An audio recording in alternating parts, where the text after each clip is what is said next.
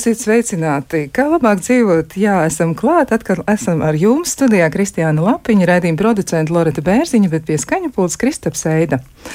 Jāsaka tā, ka Latvijā diezgan daudz cilvēku ir raižu pārņemti, un tam ir pamatots iemesls. Un, lūk, izrādās, ka 73% no cilvēkiem ar invaliditāti Latvijā ir bez darba, un Sociālās integrācijas valsts aģentūra aicina kaut ko darīt, arī dara, un vienlaiks arī ļoti, ļoti cenšas informēt sabiedrību. Varbūt ar to mēs arī varētu sākt, un es arī pieteikšu viesus, kas šodien izteiksies par tematu, kā tad invalīdiem, ja cilvēkiem ir invaliditāti, vieglāk atrast darbu, kā būt darbā, kā nodrošināt sevi un kā veidot savu dzīvi. Un proti, Pie mums ir Ilona Jurševska, Sociālās integrācijas valsts aģentūras direktore. Sveicināti!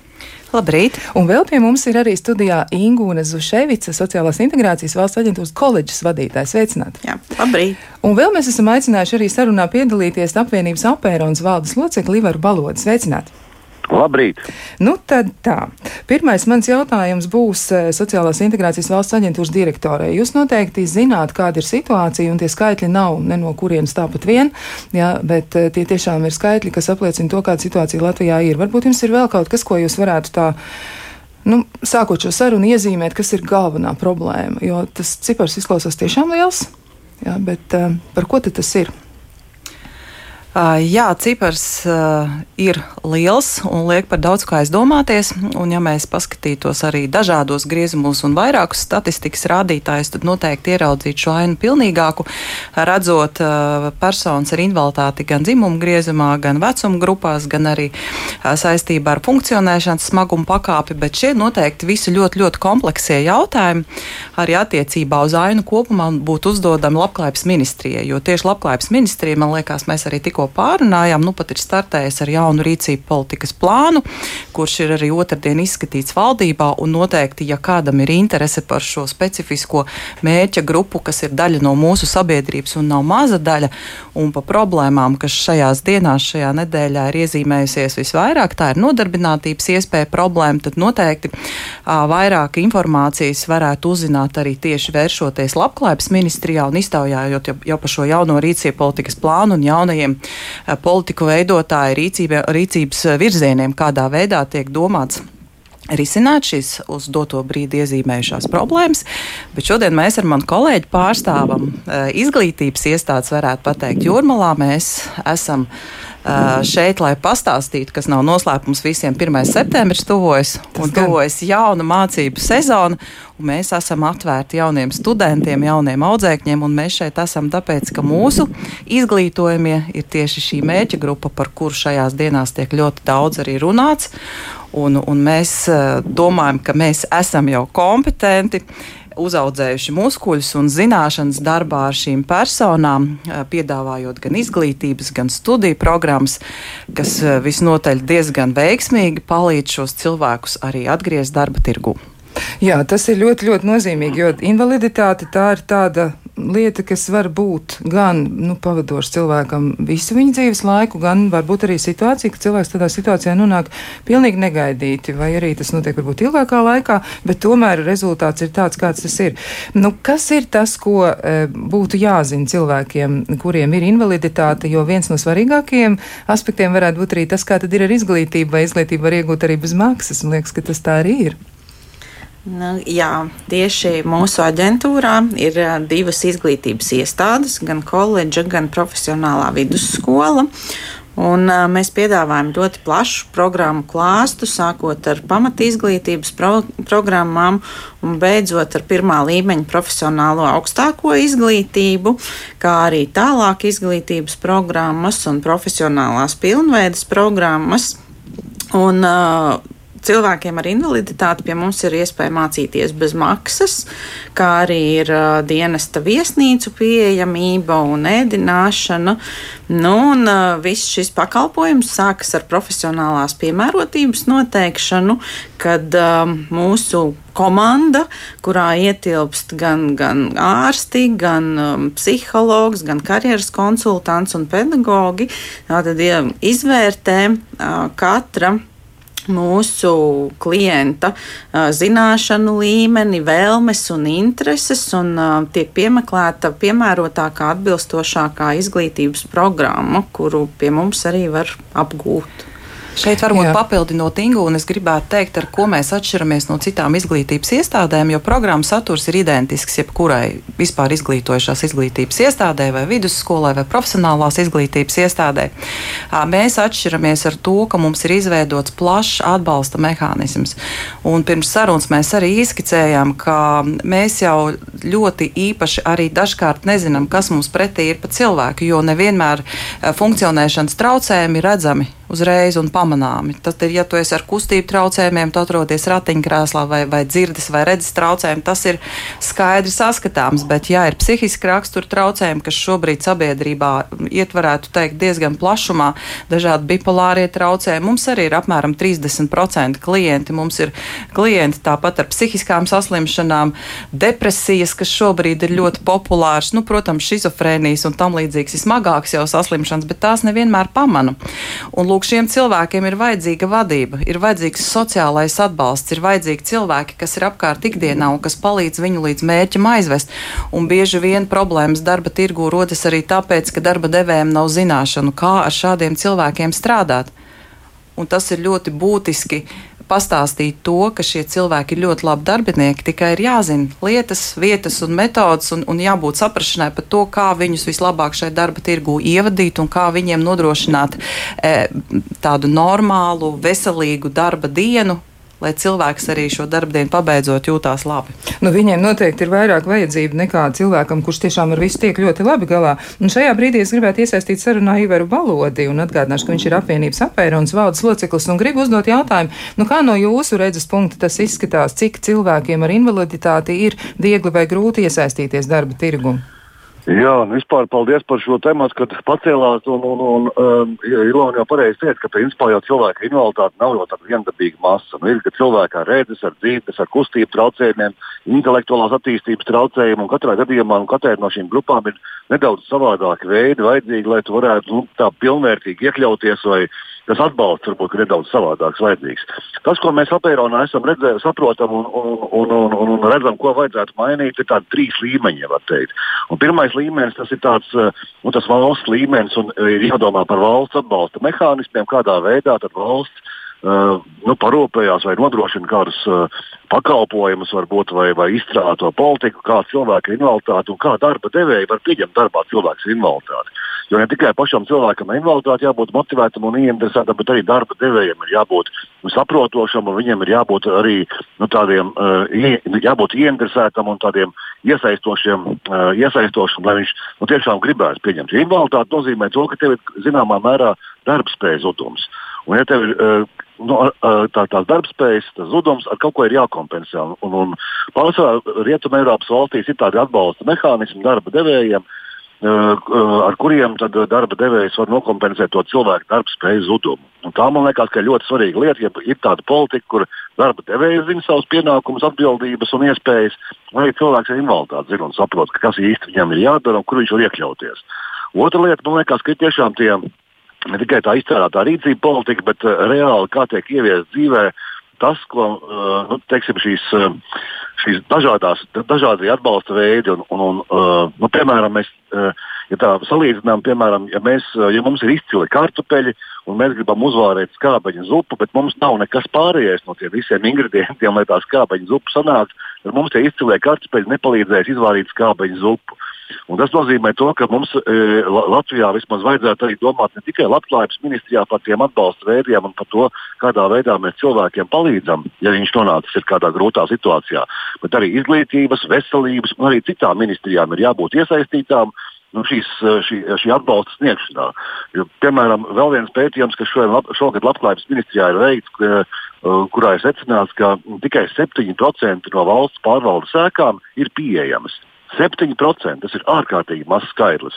Tas nozīmē, to, ka, piemēram, tādās publiskajās sēkās, kas Latvijā ir, nu, cilvēki ar invaliditāti, kuriem ir kustību traucējumi, piemēram, nemaz nevarētu strādāt, ja, ja tādā ēkā atrodas kāda iestāde, jo vienkārši viņš fiziski iekšā nevar iekļūt. Tā kā ir tie arī tie, tie fiziskie šķēršļi sabiedrībā jopre, jopro, joprojām pietiekoši daudz nu, kas traucē arī tādiem darba devējiem, kas būtu gatavi pieņemt cilvēku darbā. Nu, vienkārši fiziski nevar to izdarīt. Tā kā tam, tam, tam, tā, tā politikai un tā rīcība politikai būtu jābūt kompleksai sadarbībā ar izglītības, veselības, labklājības, vides aizsardzību, vides uh, ministriju, pašvaldībām. Un tikai tad droši vien mēs varam izstrādāt tādus kompleksus mehānismus.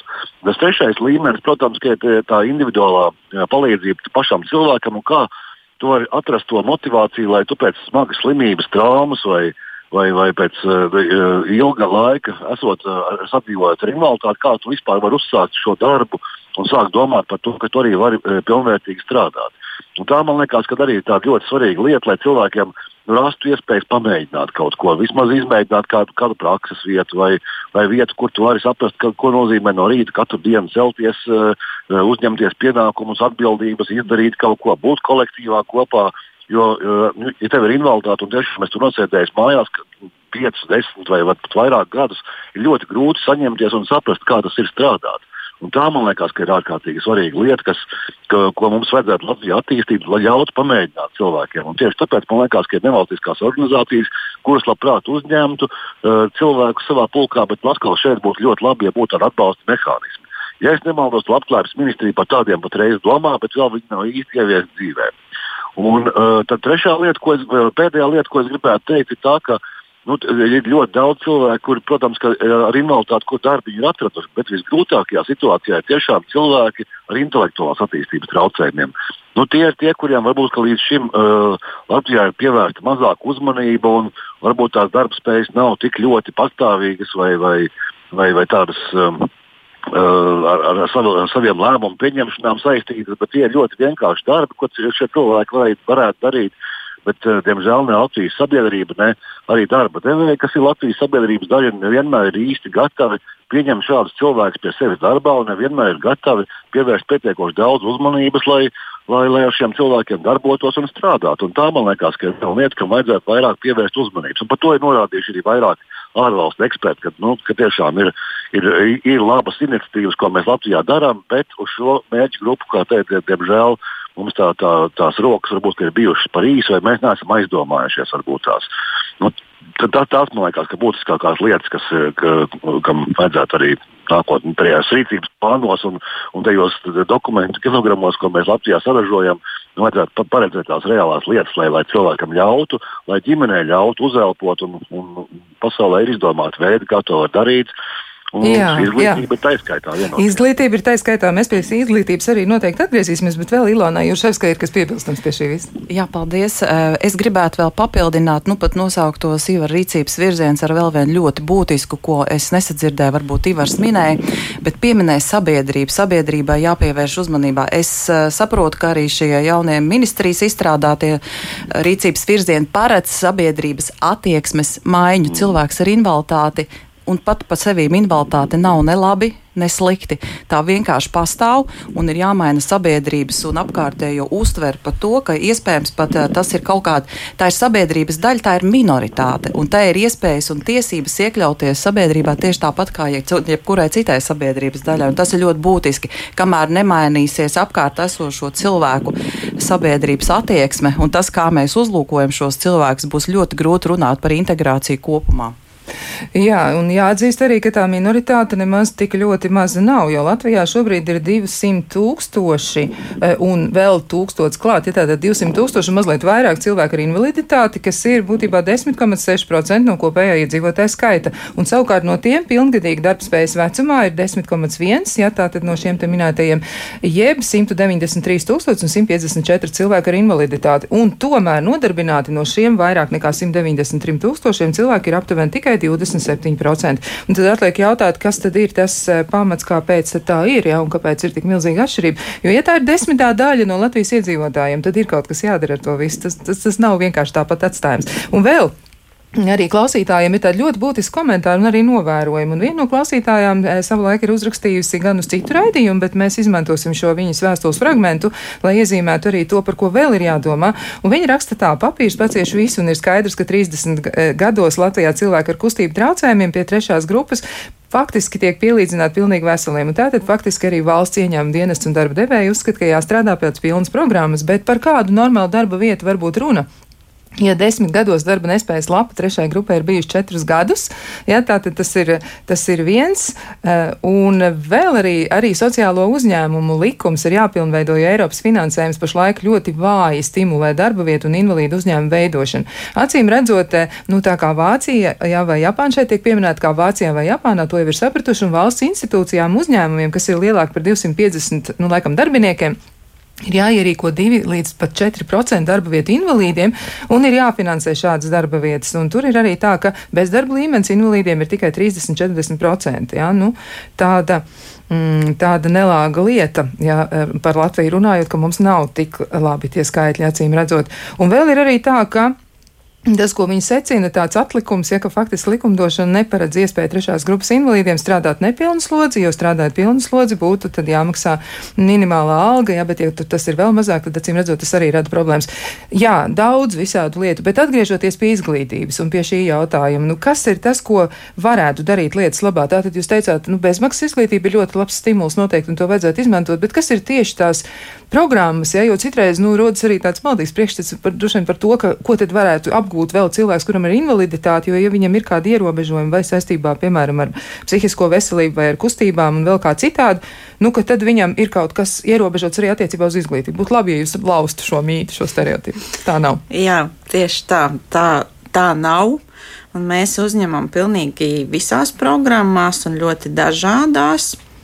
Un vēl plus visam tam mēs piedāvājam arī karjeras atbalstu. Mums ir karjeras konsultanti, kas gan mācību procesa laikā sniedz atbalstu un, un palīdz atrast prakses vietas, kur bieži vien arī paliek mūsu absolventi strādāt pēc tam, tātad kļūst par darba vietām. Uh, un, un otra lieta, ka arī vēl pusgadu pēc absolvēšanas karjeras konsultanti sniedz atbalstu, gan, gan palīdz sagatavoties darba intervijām, gan CV sagatavot. Un, un uh, mēs nepārtraukt arī pilnveidojam šo karjeras atbalstu. Un, um, pilnveidojam sadarbību ar darba devējiem, gan ir plānoti informatīvi pasākumi, gan arī darba devēja iesaista programmu pilnveidē. Nu, šis tāds um, ļoti nopietns, manuprāt, atbalsts, ko mūsu studenti iegūst un, un, un arī novērtē. Jo nu, mūsu absolventi un tas um, nodarbinātība ir uh, 50, apmēram vidēji 50%, ja vairāku gadu griezumā vērtējam. Protams, ir atšķirība programmās, bet uh, nu, vidēji. Uh, nu, mēs arī ļoti strādājam pie tā, lai iedrošinātu darba devējus un, un parādītu, ka var. Un tieši tāpat arī studentus, viņi nonākot prakses vietās un, un mūsu vidē, saprot, ka viņi var daudz ko izdarīt, vairāk pat nekā iepriekš nu, bija domājuši. Tā kā tā motivācija pie mums iestājoties un pēc tam absolvējot, nu, cilvēki atplaukst un jūtas, nu, ka viņi var, var visu. Jā, tā tāda nozīmīga lieta arī mainīt. Dažreiz kursus droši vien nāks cilvēkam, jo viņš ir dzīvē darījis kaut ko vienu, un pēc tam jādara kaut kas cits.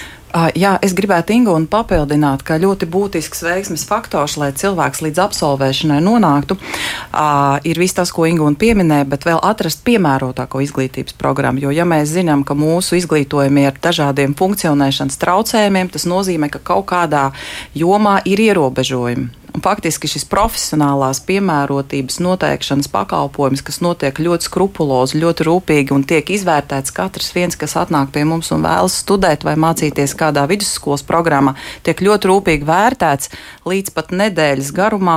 Ar šo cilvēku strādā vesela multidisciplināra speciālistu komanda, kurā piedalās gan, gan ārsts, gan psihologs, gan fizioterapeits, gan skolotāji, kur pārbauda iepriekš iegūtās izglītības līmeni.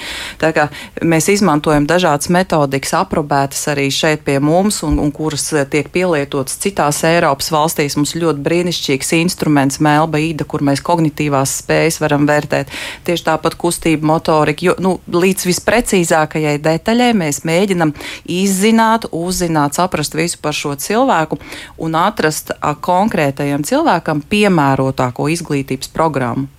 Jo jūs arī jautājāt, ja kaut kas notiek dzīves laikā, ja līdz šim esi bijis vijolnieks un spēlējis brīnišķīgu mūzikas instrumentu, un pēkšņi tev ir veselības problēmas, un tu vairs šo instrumentu nevari spēlēt, tas nenozīmē, ka tu paliec darba nespējīgs tev vēl paliek daudz atlikušās darbspējas, kuras vajag iemācīties likt lietā un apgūt citu profesiju un citas prasmes un iemaņas.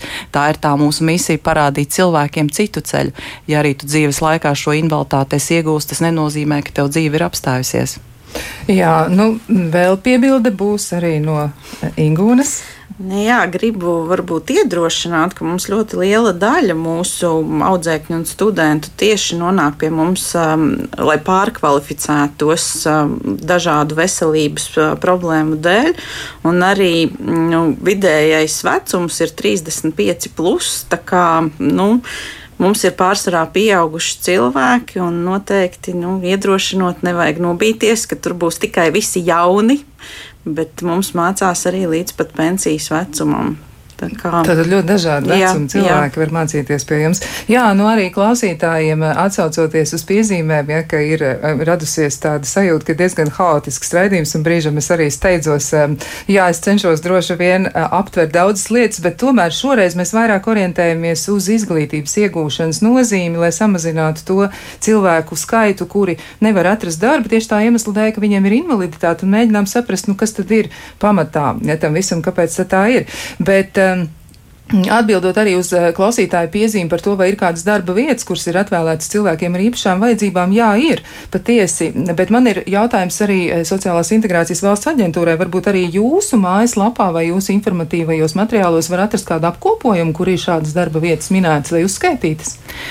Mēs uzskaitām tikai tos darba devējus, kuri ciešā sadarbībā ar mums, kurus mēs paši atrodam, jo mēs esam atbildīgi par ikvienu mūsu studentu un izglītojumu un audzēkni, lai viņu līdz šai varbūt ne pirmajai, bet savai jaunajai darba vietai arī aizvest. Un šos darba devējus mēs paši individuāli atrodam un strādājam ar viņiem. Un par šiem, protams, uzņēmumiem mums ir datu bāze, mums nav par visiem. Eh, ja cilvēki grib plašāku informāciju uzzināt, tad ir jāvēršas Nodarbinātības valsts aģentūrā. Jo Nodarbinātības valsts aģentūra ir tā iestāde mūsu valstī, kura arī ne tikai uh, reģistrē bezdarbniekus, kur ir personas ar invaliditāti, bet arī piedāvā šo vispār plašāko iespēju klāstu, jo viņiem ir apkopotas darba vietas, iespējams, viņiem ir pa, pa visu, nevis iespējams, bet viņiem arī visā Latvijas republikas mērogā zināmi darba devēji, kuri šos cilvēkus labprāt pieņemtu darbā, jo tur jau ir iedarbināti valstī atbalsta mehānismi, kas ir subsidētās darba vietas, un tur jau šī sistēma nodarbinātības valsts aģentūras kompetences jomā darbojas jau vairāku gadu garumā. Tā ka, ja grib zināt plašāku piedāvājumu par, par darba devējiem, cilvēkiem, kuri varētu un gribētu nodarbināt cilvēkus ar invaliditāti, tad ir jāvēršas nodarbinātības valsts aģentūrā. Skaidrs, jā, tā tad arī tur. Un vēl arī mums ir tāda piezīme, nu, laikam mēs gluži nevaram mm, reklamēt kādu konkrētu uzņēmumu, bet mēs varam tikai ieteikt uzņēmuma veidotājiem, kur ir atsūtījuši informāciju par to, ka viņi eksistē un arī piedāvā iespējas uh, savus uh, darinājumus vai, vai savus veidotās lietas realizēt caur viņiem. Ja, tad mēs ieteiktu uh, konkrēti šiem te mm, cilvēkiem, kuri šo uzņēmumu izveidojuši, varbūt reģistrēt sevi valsts nodarbinātības aģentūrā. Tad arī nu, tā informācija noteikti nonākt pie cilvēkiem ar invaliditāti, un tad viņi atkal savukārt varētu šo uzņēmumu izmantot, lai paši realizētu sevis radītās lietas un iegūtu ienākumus. Nu, varbūt tā mēs varam to risināt. Bet, um, Jautājums vēl arī Ivaram Balodim par to, kāda tad apēra un sadarbība ir ar darba devējiem. Tas ir tas konkrēts jautājums no klausītājiem. Varbūt jūs varat iezīmēt šo te. Nu jā, tā ir tā viena no būtiskākajām lietām, ka tiešām mēs varam apmācīt cilvēkus un iego, ie, ie, ie, piedāvāt ideālu izglītību un, un bez maksas ēdināšanu un izguldināšanu un ideālus apstākļus, kāda ir sivā izveidot, bet ja tie darba devēji un, ko Ilona teica, ka ja sabiedrība nav gatava vēl, nu, tad ļoti grūti kaut kādā veidā tomēr tās darba vietas radīt. Nu, nav tik vienkārši. It kā izklausās jau nu, baigi forši, labi, ideāli apmācīti cilvēki, un tad tikai uz darbu, un viss ir kārtībā. Nu, reālajā dzīvē jau tā nenotiek, un ja darba devēji ir.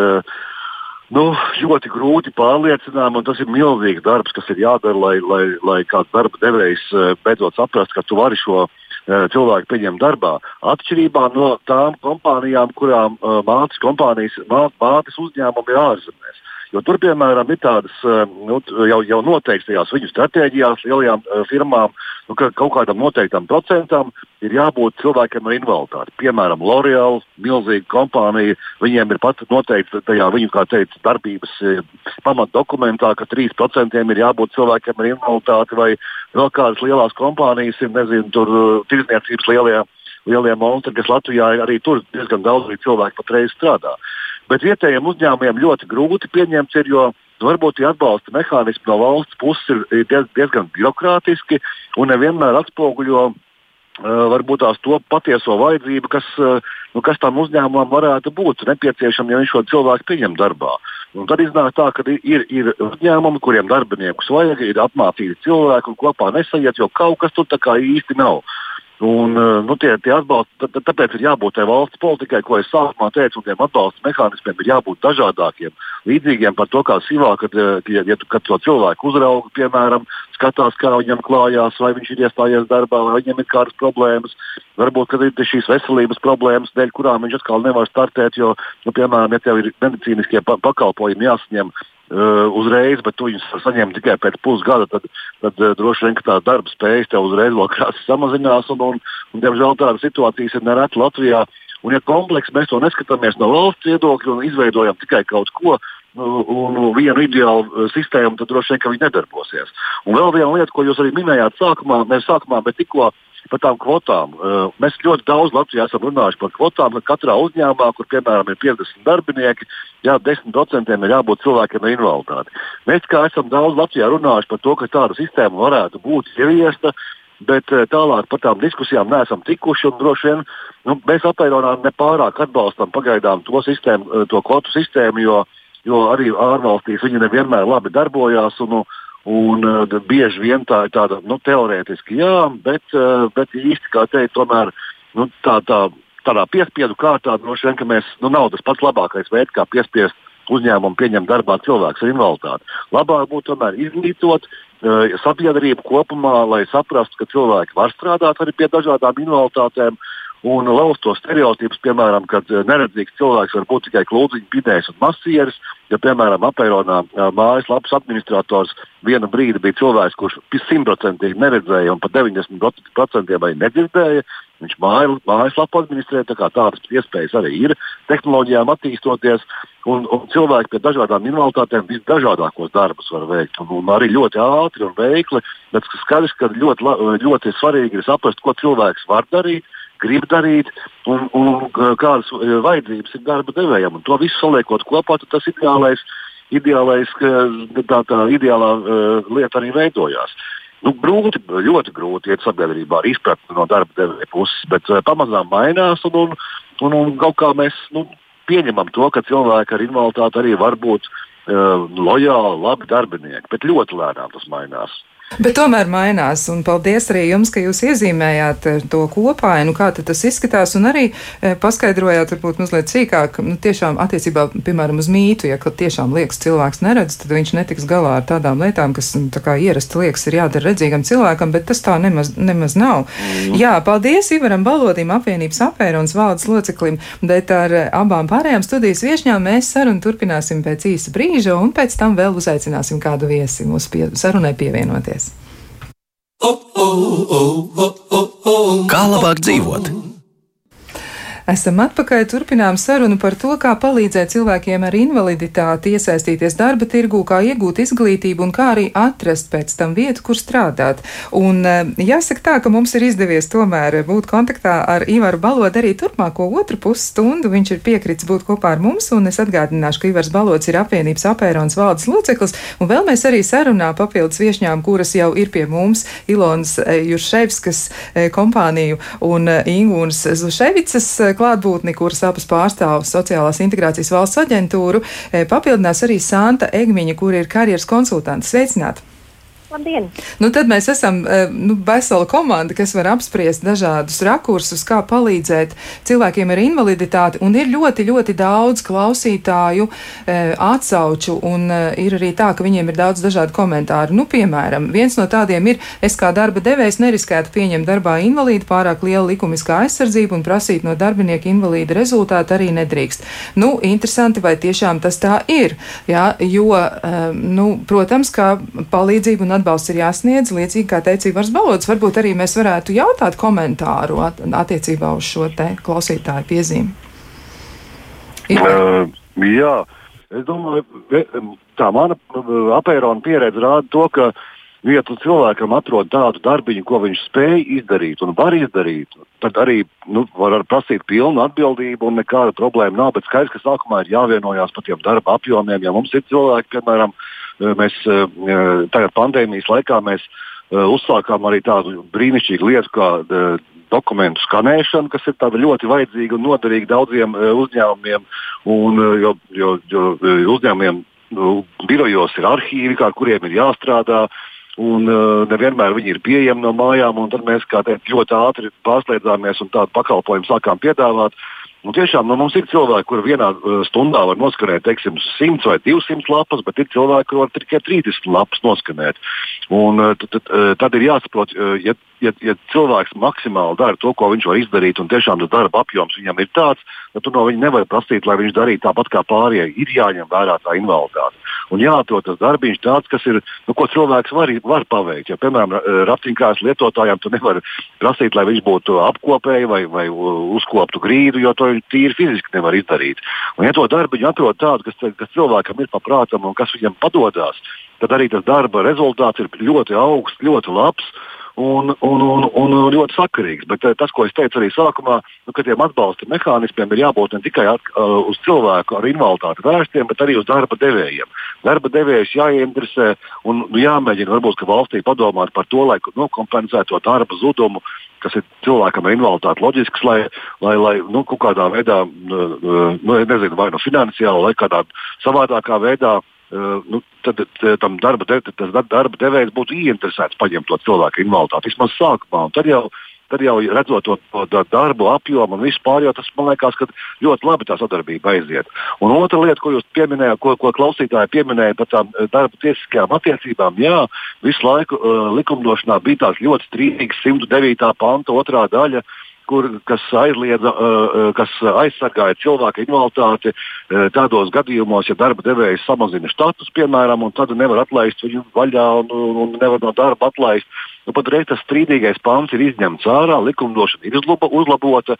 Un tas pāns bija tāds, no vienas puses ļoti pozitīvi domāts, bet ļoti negatīvi aizgājis ar tādu negatīvu auru, un darba, daudz darba devēja no tā baidījās. Patreiz tas ir, tas ir uh, izmainīts, un, un, un principā tā darba aizsardz, tie, tiesiskā aizsardzība joprojām pastāv citos uh, likumdošanas aktos. Pietiekoši labā līmenī, bet tas strīdīgais pants, kur darba devēji dikti baidījās no tā, tas ir izņemts ārā. Tā kā uh, tās attiecības arī man liekas, ka paliek aizvien līdzvērtīgākas, uh, bet, bet, bet nu, tam, tam atbalsta apjomam vajadzētu palielināties tieši uz darba devē, par, par darba devējiem domājot. Jo arī tā, tā mūsu pieredze rāda, ka Eh, nu, mums, mēs kaut kur gadā apmēram 50 cilvēkus darbā iekārtojam, kas priekš mūsu organizācijas ir ļoti labs rādītājs, un mums tāds pakalpojums arī ir. Tā kā ja ir kādi darba devēji, kuri grib eh, pieņemt darbā cilvēku eh, arī ar invaliditāti, tad droši var griezties apvienībā apērons, un mēs labprāt palīdzētu savest kopā uh, Eh, darba devējs un darba ņēmējs, bet, eh, bet bieži vien ir tā, ka cilvēki pie mums nāk, un ja tā invaliditāte nav redzama, mēs nu, ļoti nerekomendējam uzreiz ar to zīmēties un teikt, ka lūk, es esmu ļoti smags otrās grupas invalīds vai, vai vēl, vēl kāda problēma man ir, bet sākumā parādīt to, ko tu vari, ko tu, ko tu uh, spēj darīt. Un, un, un ir saprotams, jau ir tas, ka, ka darba devējam jau nevajag pieņemt darbā cilvēka invaliditāti. Viņam vajag pieņemt darbā speciālistu. Un, un tad, ja tev ir invaliditāte un tu esi labs speciālists, tā ir tas labākais salikums mūsu izpratnē, kas varētu būt. Un, un tad, ja mēs vēl ap, apaudzējam to ar, ar kādām prasmēm un iemaņām, ar, ar, ar izpratni par to, ko nozīmē strādāt kolektīvā un ko nozīmē atbildība un pienākums, man liekas, ka tāda ir laba kombinācija. Bet ļoti grūti tas process iet uz priekšu un, un, un darba devēt, es, kā mēs jau, jau sākumā runājām, ka tikai pamazām, pamazām um, spē, nu, mēģina saprast to, ka, darba, ka cilvēks invaliditātes var būt labs darbinieks. Tā ir. Viņš, jā, būt, viņš tiešām jā. viņš var būt mm. labs darbinieks. Un, uh, un droši vien arī ka, nu, nu, kaut kā mēģināt noslēpt vai nerunāt par to, kā ar mani ir tā, kā ar mani ir. Arī varbūt nevienmēr ir tā labākā nu, taktika. Un vēl arī klausītāji tieši to arī piebilst. Jā. Viena no klausītājiem raksta, paldies, ka aktualizējāt šo akūto un sabiedrības briedumam svarīgo tematu. Jebkurai sevi cienošai sabiedrībai ir jārūpējas un jābūt atbildīgai par tās neaizsargātāko daļu, tostarp cilvēkiem ar dažādām invaliditātēm un uzsveru dažādām. Jā, bet, um, Ir tā, ka no, no pieaicinātajiem viesiem, eh, kā klausītāji atzīmē, neko, neko viņi atkal nedzird par cilvēkiem ar sirds plaušu vai onkoloģiskajām saslimšanām, kuriem arī ir invaliditāte, bet kuriem nav pavisam zudusi vēlme un spējas strādāt. Un tie ir aizmirsti arī no valsts struktūra un dažādu invalīdu biedrību puses. Jā, bet mēs esam ievērojami šo 10% daļa. Jā, tā tad arī šādi cilvēki ir, bet viņi ir tā saucamā neredzamā ne, e, invaliditāte, viņiem piemīt, jā, tātad tas tiešām nav kas tāds, kas ir uzreiz ieraugāms. Un toties lielākoties mums jau ir izglītība. Un viņas jautājums ir tāds, kāpēc mūs gandrīz nekad nevienā diskusijā nepiemin, it kā mums nebūtu problēma, bet tieši pretēji. Ja cilvēkam ar kustību traucējumiem neuzdod nērtus jautājumus, kamēr mums ir jātaisnojas, ka fiziski nespējam nostrādāt 8 stundas ilgi runāt un tam līdzīgi, nu tā ir nopietna problēma. Jā, tā visnotaļ ir noteikti problēma, bet eh, runājot par eh, mūsu aģentūru, kur nodarbojās ar profesionālo rehabilitāciju, jāsaka, ka diagnoze nav mūsu specifika. Mēs neesam valsts darba ārsta ekspertīzes komisija, un, diemžēl, jāsaka, vēsturiski invaliditāte un invaliditātes status Latvijā ir veidojies piesienot šo nespēju tieši pie medicīniskās diagnozes un pasakot, ka cilvēks nespēja. Arī mēs eh, ejam šajā virzienā, kad mēs vēlētos šo ceļu pavērst citā virzienā sociālā virzienā un paskatīties uz to, ko cilvēks spēj. Un tāpēc, kad atnāk pie mums, mēs, eh, protams, nestrādājam ar šo diagnozi, un, un lielākoties mēs arī nezinām par šiem plaušu un, un sirds slimību gadījumiem, bet mēs eh, redzam cilvēku, mēs ar viņu runājam, mēs saprotam, ko viņš vēl var darīt, un mēs tādā veidā izzinām viņa spējas. Mēs tiešām vairs eh, neesam tie, kas runā par to, ko nespēj bet mēs gribam, lai cilvēks spēlē, integrētos un arī darbdevējs ieraudzītu šī cilvēka atlikušās darbspējas. Un, un tieši tāpat mēs ļoti labi šobrīd zinām, ir daudz darba devēju, kuri sociāli atbildīgi, piemēram, savākot paralēlus ar jaunām ģimenēm. Ģimenē ir ienācis bērniņš, jaunā māmiņa ir aizņemta, un arī viņai ir jāpielāgo īpašāk šis darba laiks. Un atrodas taču iespējas gan, gan bērnu istabas darba vietās izveidot, gan arī īpašas darba stundas atvēlēt. Tieši tāpat būtu jāpaskatās arī uz šīs grupas cilvēku iespējas iespējām atrast viņiem piemērotus darba režīmus. Iespējams, tagad pandēmijas laiks parādīs, ka digitālās un tehnoloģiskās iespējas ļauj radīt daudz darba vietas un ļauj cilvēkiem strādāt no mājām. Tā kā iespējas ir visdažādākās, galvenā, galvenokārt ir jāveicina, kā arī var teikt, izpratni no darba devēja puses un iespēja ieraudzīt potenciālu ļoti labu darba darbinieku. Jā, darbinieku, kurš varētu lieliski tikt galā ar saviem pienākumiem. Un, un, un šobrīd man gribas iesaistīt sarunā Santu Egmiņu, kur ir karjeras konsultanti, un varbūt varētu vairāk pastāstīt arī par to, kā tad izdodas savest kopā darba ņēmēju, kuram ir invaliditāte ar darba devēju. Kā tas izskatās no jūsu puses? Jā, kā jau kolēģis minēja, mūsu mācību un studiju procesā ir paredzēta arī prakse. Un, manā izpratnē prakse ir viens no, var teikt, arī pirmais ķēdītas posms, gan prakse, gan, gan brīvprātīgais darbs, kā darba ņēmējs var arī veidot savas attiecības ar darba devēju. Tas ir ļoti labs atspēriena punkts, lai darba devējs varētu novērtēt uh, uh, klienta profesionālo sagatavotību, spēju un vēlmi mācīties, uh, arī tālāk strādāt, apgūt ko jaunu, pilnveidoties un attiecīgi strādāt arī komandā un pilnveidot uh, savu profesionālo darbību. Jā, tā tad eh, tas ir tāds nu, arī būtisks aspekts, bet kas ir jūsu novērojumi? Varbūt, eh, kur ir lielākā problēma, ja jūs eh, mēģināt to iezīmēt, vai ir kaut kas tāds, kas jums ir mm, nu, iekritis acīs, kuriem cilvēkiem varbūt ir lielāks sarežģījumi tieši atrodot vai mēģinot atrast darbu precīzāk?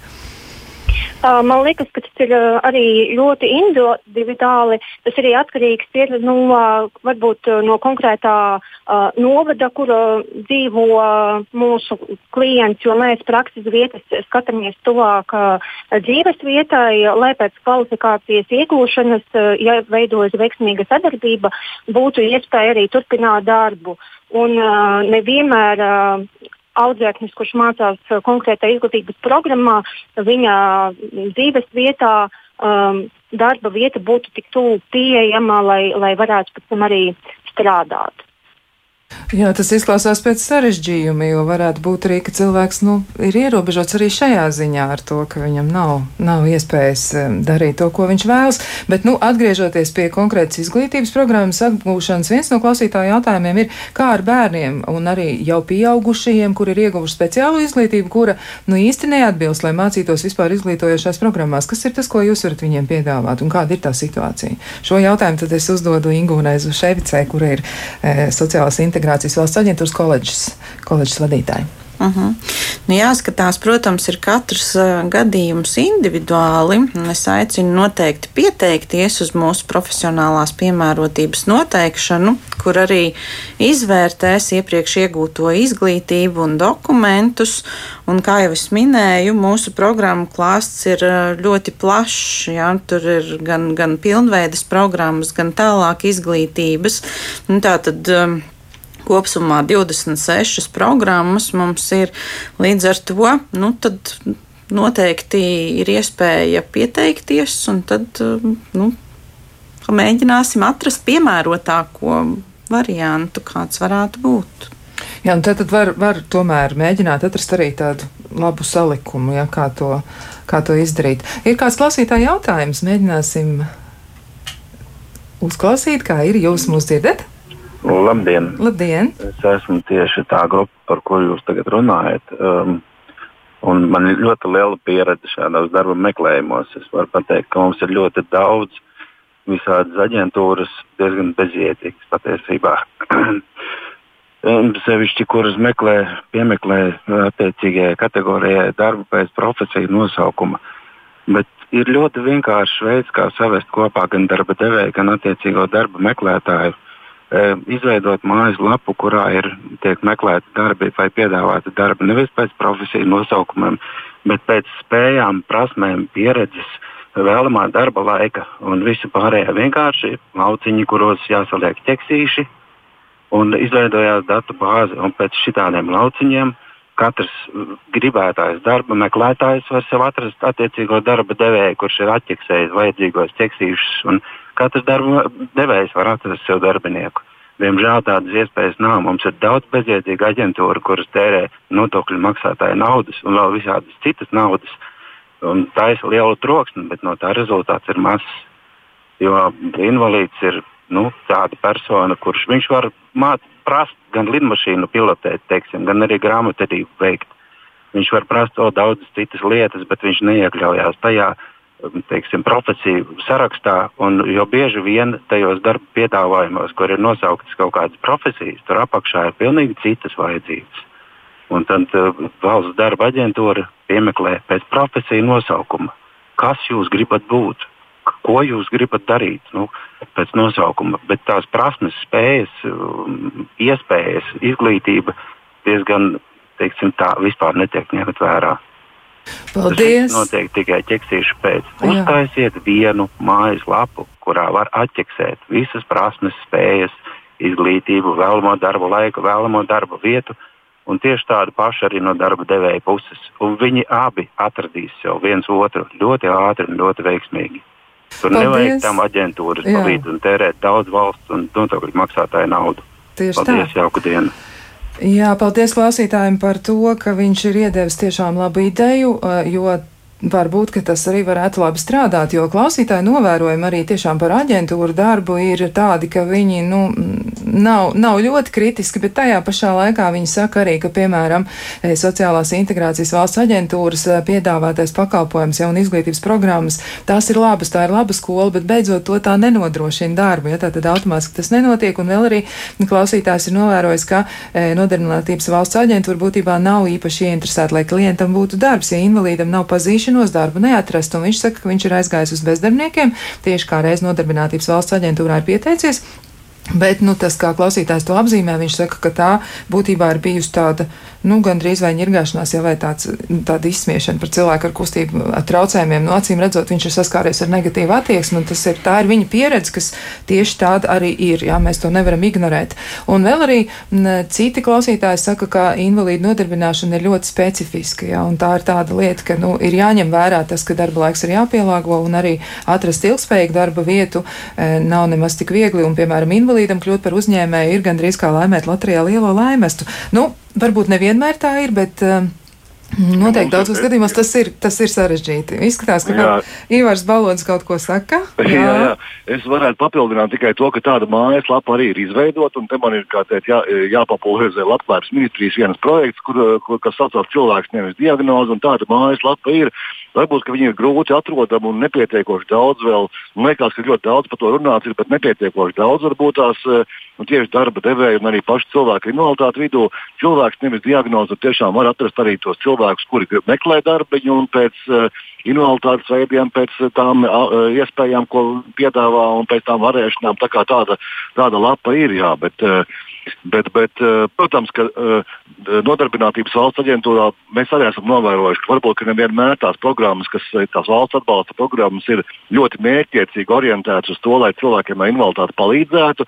Nevienmēr ir laiks uh, pietiekoši daudz, lai izrunātu tos jautājumus, jo ir ļoti svarīgi izrunāt, saprast, uh, iedziļināties, saprast to ģimenes stāvokli, saprast to veselības stāvokli, nu, to komplekso skatījumu. Un tas, ko mēs apēronā ļoti, ļoti, ļoti daudz skatāmies, lai cilvēkam palīdzētu uzrakstīt to viņa CV, tādu, kas tiešām ir tāds motivējošs un, un atbalstošs, un ie, ar to CV jau varētu ieinteresēt, motivācijas vēstuli, palīdzam saprast, kā labāk rakstīt, bet nevis viņa vietā rakstām, bet nu, mēģinām kopā iziet tam procesam cauri. Jo bieži vien tā arī tās digitālās prasmes ir tādas ļoti tāds interesants uh, tāds termins, jo, jo liekas, ka tāds cilvēks pie mums atnāk un viņam liekas, ka viņš māca datoru darboties. Bet patiesībā Facebook un inbox ir divas lietas, ko viņš māca darīt. Varbūt tās ikdienā, Jā. bet uh, Latvijas programmas kaut kādas un vēl kaut kas. Tas ir tas pilnīgs, tā ir. pilnīgs tāds uh, varbūt, variants. Bieži, bet mums, mums pamazām jāvirzās uz sarunas noslēgumu. Varbūt pašās beigās jūs varat pateikt, kā sauc to lapu, kur var satikties darba devējs un cilvēks ar invaliditāti. Tā lapa saucās cilvēks nevis diagnoze, punkts LV.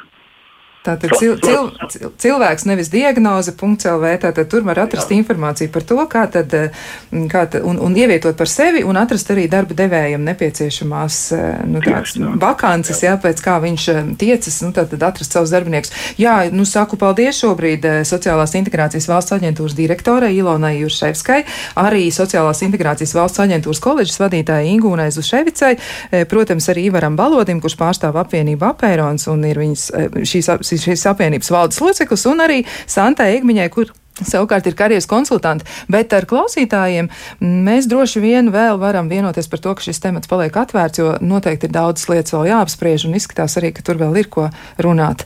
Jā, bet lai jums visiem jauka izdevusies diena, un tad jau tiksimies arī kādā citā reizē.